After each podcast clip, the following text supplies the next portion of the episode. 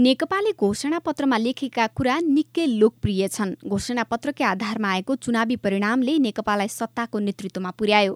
घोषणापत्रमा उल्लेख भएको दुई वर्षभित्र नेपाललाई आधारभूत खाद्यान्न माछा मासु अन्डा र दुधमा आत्मनिर्भर बनाइने र पाँच वर्षभित्र खाद्यान्न निर्यात गर्ने विषय त्यति सजिलो छैन। बजेटमा यी विषय कसरी आउँदैछ?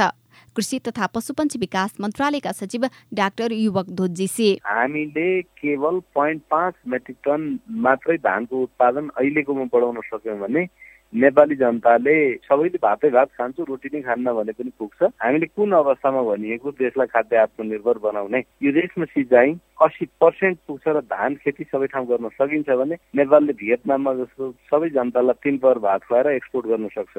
त्यो स्थिति पुर्याउन सकिएन भने म कुर्सीमै गर्दिनँ। सिँचाइ मल अलिकति कन्ड्युसिभ इन्भाइरोमेन्ट हामीलाई लोनको कुरा बजारको कुरा सबैसँग जोडिएको छ। बाढी पहिरोमा घडेरी समेत गुमाएका परिवारका लागि घर बनाउन निशुल्क घडेरीको व्यवस्था गर्ने दुई हजार एकहत्तरदेखि चौहत्तरमा विनाशकारी बाढी पहिरोमा परि घरबार गुमाएका परिवारको वासस्थानका लागि पुनर्निर्माणको काम तीव्र गतिमा अगाडि बढाउने घोषणापत्रमा भनिएको थियो। तर सहरी विकास मन्त्रालयको बजेटको प्राथमिकता ठूला सहर निर्माणतिर केन्द्रित छ। सहरी विकास मन्त्री मोहम्मद इस्तियाक राई यसमा चाहिँ विगत धेरै वर्षदेखि नयाँ सहरहरू मध्यपहाडी लोकमार्गका दसवटा मात्रै कार्यान्वयनमा थिए। हामीले चाहिँ त्यसले लगभग लगभग आउने आर्थिक वर्षमा सबै नयाँ सहर हुलाकी सहर र तराई मधेसका सहरहरू कार्यान्वयनमा लैजाने। र त्यस्तै मेगा सिटी तपाईँको सघन सहरी अन्तर्गत हालसम्म बिसवटा तराई मधेसका नगरपालिकामा थप बाह्रवटालाई चाहिँ आउने वर्षदेखि विस्तार गरेर लैजाने भन्ने चाहिँ त्यस्तै हिमाली पाँचवटा सहर। सरकारी अस्पतालमा सुत्केरी हुने आमा र जन्मिने शिशुको पोषण र न्यानो कपडाका लागि एकमुष्ट पाँच हजार भत्ता दिने विषय पनि घोषणा पत्रमा थियो। यसपटकको बजेटमा महिलाका यी विषय कसरी समेटिन्छन्?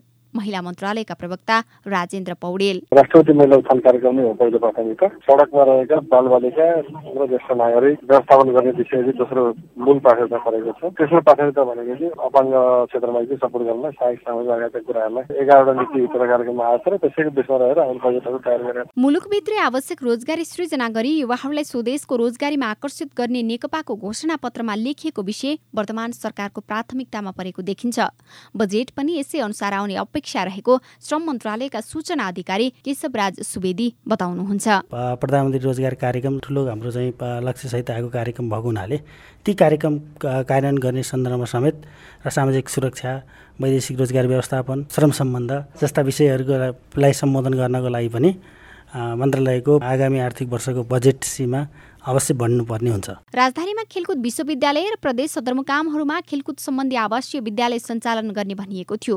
यो विषयलाई बजेटले कतै छोला खेलकुद मन्त्रालयका सचिव कृष्ण देवकोटा। विगतका वर्षका जुन हामीले गर्नै पर्ने कामहरू छन् ती कामहरूलाई समेत हेरेर र चाहिँ नीति कार्यक्रममा भएको र बजेट सिलिङभित्र चाहिँ अलि समेटिन नसकेका कुराहरू समेत राखेर चाहिँ हामीले चाहिँ छलफल चलाएका छौँ। अरू थुप्रै लोकप्रिय विषय नेकपाको घोषणा पत्रमा समेटिएका छन्। अघिल्लो बजेटले सम्बोधन नगरेका त्यस्ता विषयलाई यसपटकको बजेटले समेट्ने आम नागरिकको अपेक्षा छ। बजेटमा घोषणा पत्रमा उल्लेख यी विषय कसरी समेटिन्छन् त्यो भने हेर्न बाँकी छ। गीता चिमुरिया सिआइएन काठमाडौँ।